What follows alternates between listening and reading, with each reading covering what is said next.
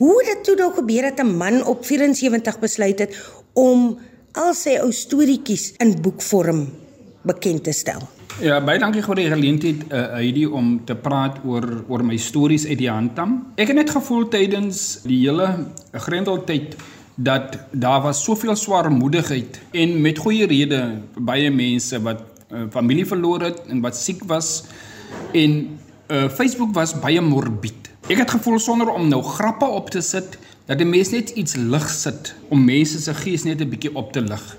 En toe ek begin skryf, toe kom ek agter die mense hou van wat ek skryf. En toe begin ek breek ek my storieetjies op, episode 1, 2 en 3 en dan raak mense kwaad. Dan sê hulle, "Wanneer kom die storie?" of hulle bespiegel oor die storie in. Dit het ek verskriklik geniet en ek dink dit het baie mense se spirit 'n bietjie opgelig. Die stories wat so vertel word, is dit ware stories? Meeste van die stories is ware stories, maar as jy nou die boek lees, sal jy agterkom dat ek dit fiktiewe name gebruik. Vir 'n eenvoudige rede om myself te beskerm en ook om te keer dat mense nou nie agterna sê maar die jong het nou wragtig in sy 70 staan en praat hy nonsens.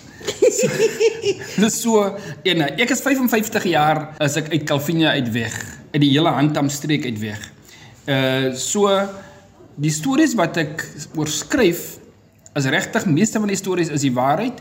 Ek het hulle 'n bietjie gepolish om net so 'n bietjie kleur te gee, maar 90% van dit is feitelik korrek. Sê gou vir my die die handtam, daai wêreld.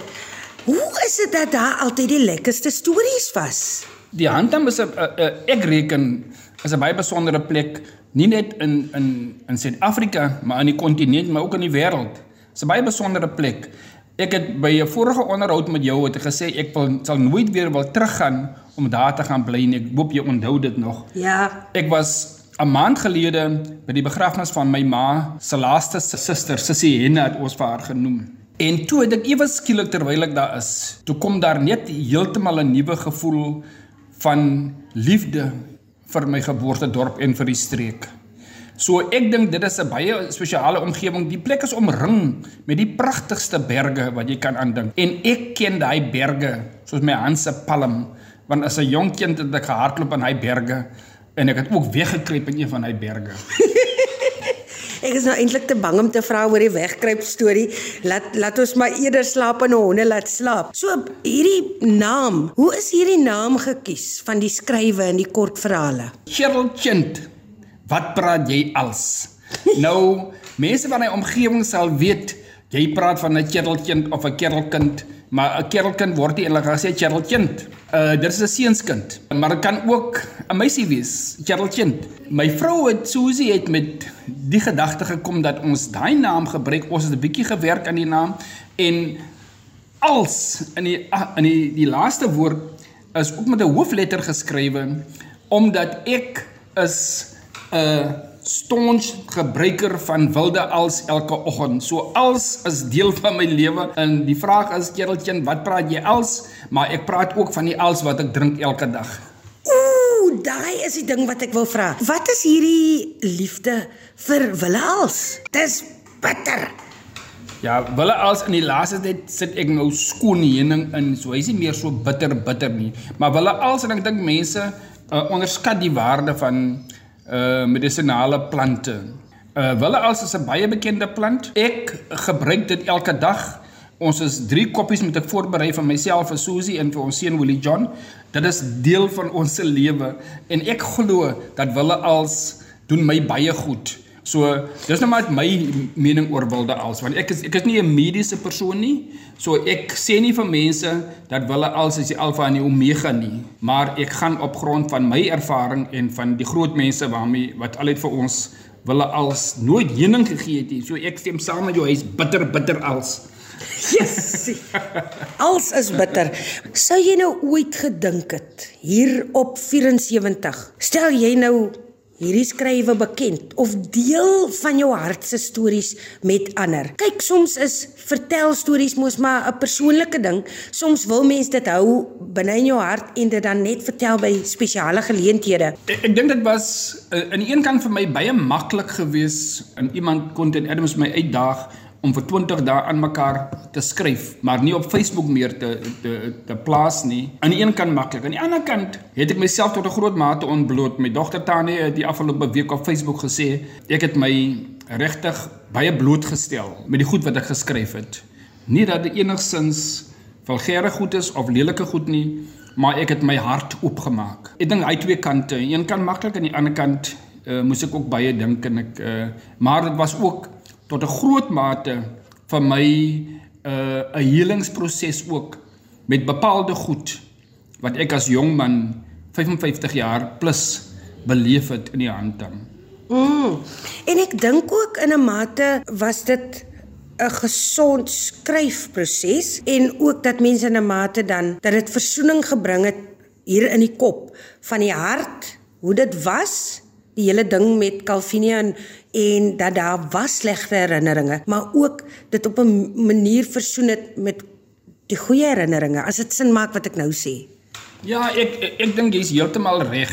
Uh ek dink dis dis dis baie belangrik dat ons binne die Suid-Afrikaanse konteks wat elkeen van ons 'n ander ervaring van ons land gehad het oor die jare. Uh na mate jy ouer word, nie dat ek 'n ou man, op 74 was jy nog nie oud nie. Jy's nog relatief jonk eintlik. So voel ek altyd. Ek weet nie of ek heeltemal uh, my kop moet laat lees nie, maar ek voel ek voel jonk. Besef jy dat jy moet baie rustiger wees oor bepaalde ervarings wat jy in jou lewe gehad het. Moenie vir jouself net alles sien as as die slagoffer nie. Almal van ons is slagoffers van 'n bepaalde insident of 'n bepaalde omgewing of 'n bepaalde tyd. Hmm. So ek dink dit is belangrik en ek het ook gepoog om nie negatiewe goed van mense te sê nie. Liewer ligsinnige grappies. Uh maar ek het regtig probeer en ook tot 'n mate probeer opvoed oor bepaalde goed, veral rondom disability, hoe ons met mekaar omgaan, uh met ons verskillende agtergronde en ons veral ons ons verskillende looks want dit is ook 'n bepaalde ding waarmee ons baie keer worstel en dan nie vrede maak met onsself om ons eie identiteit heeltemal te, te te kan aanvaar en volle mens te wees nie. Wat van 'n lusmakertjie? Het ek gou sien wat wat skryf jy als daar?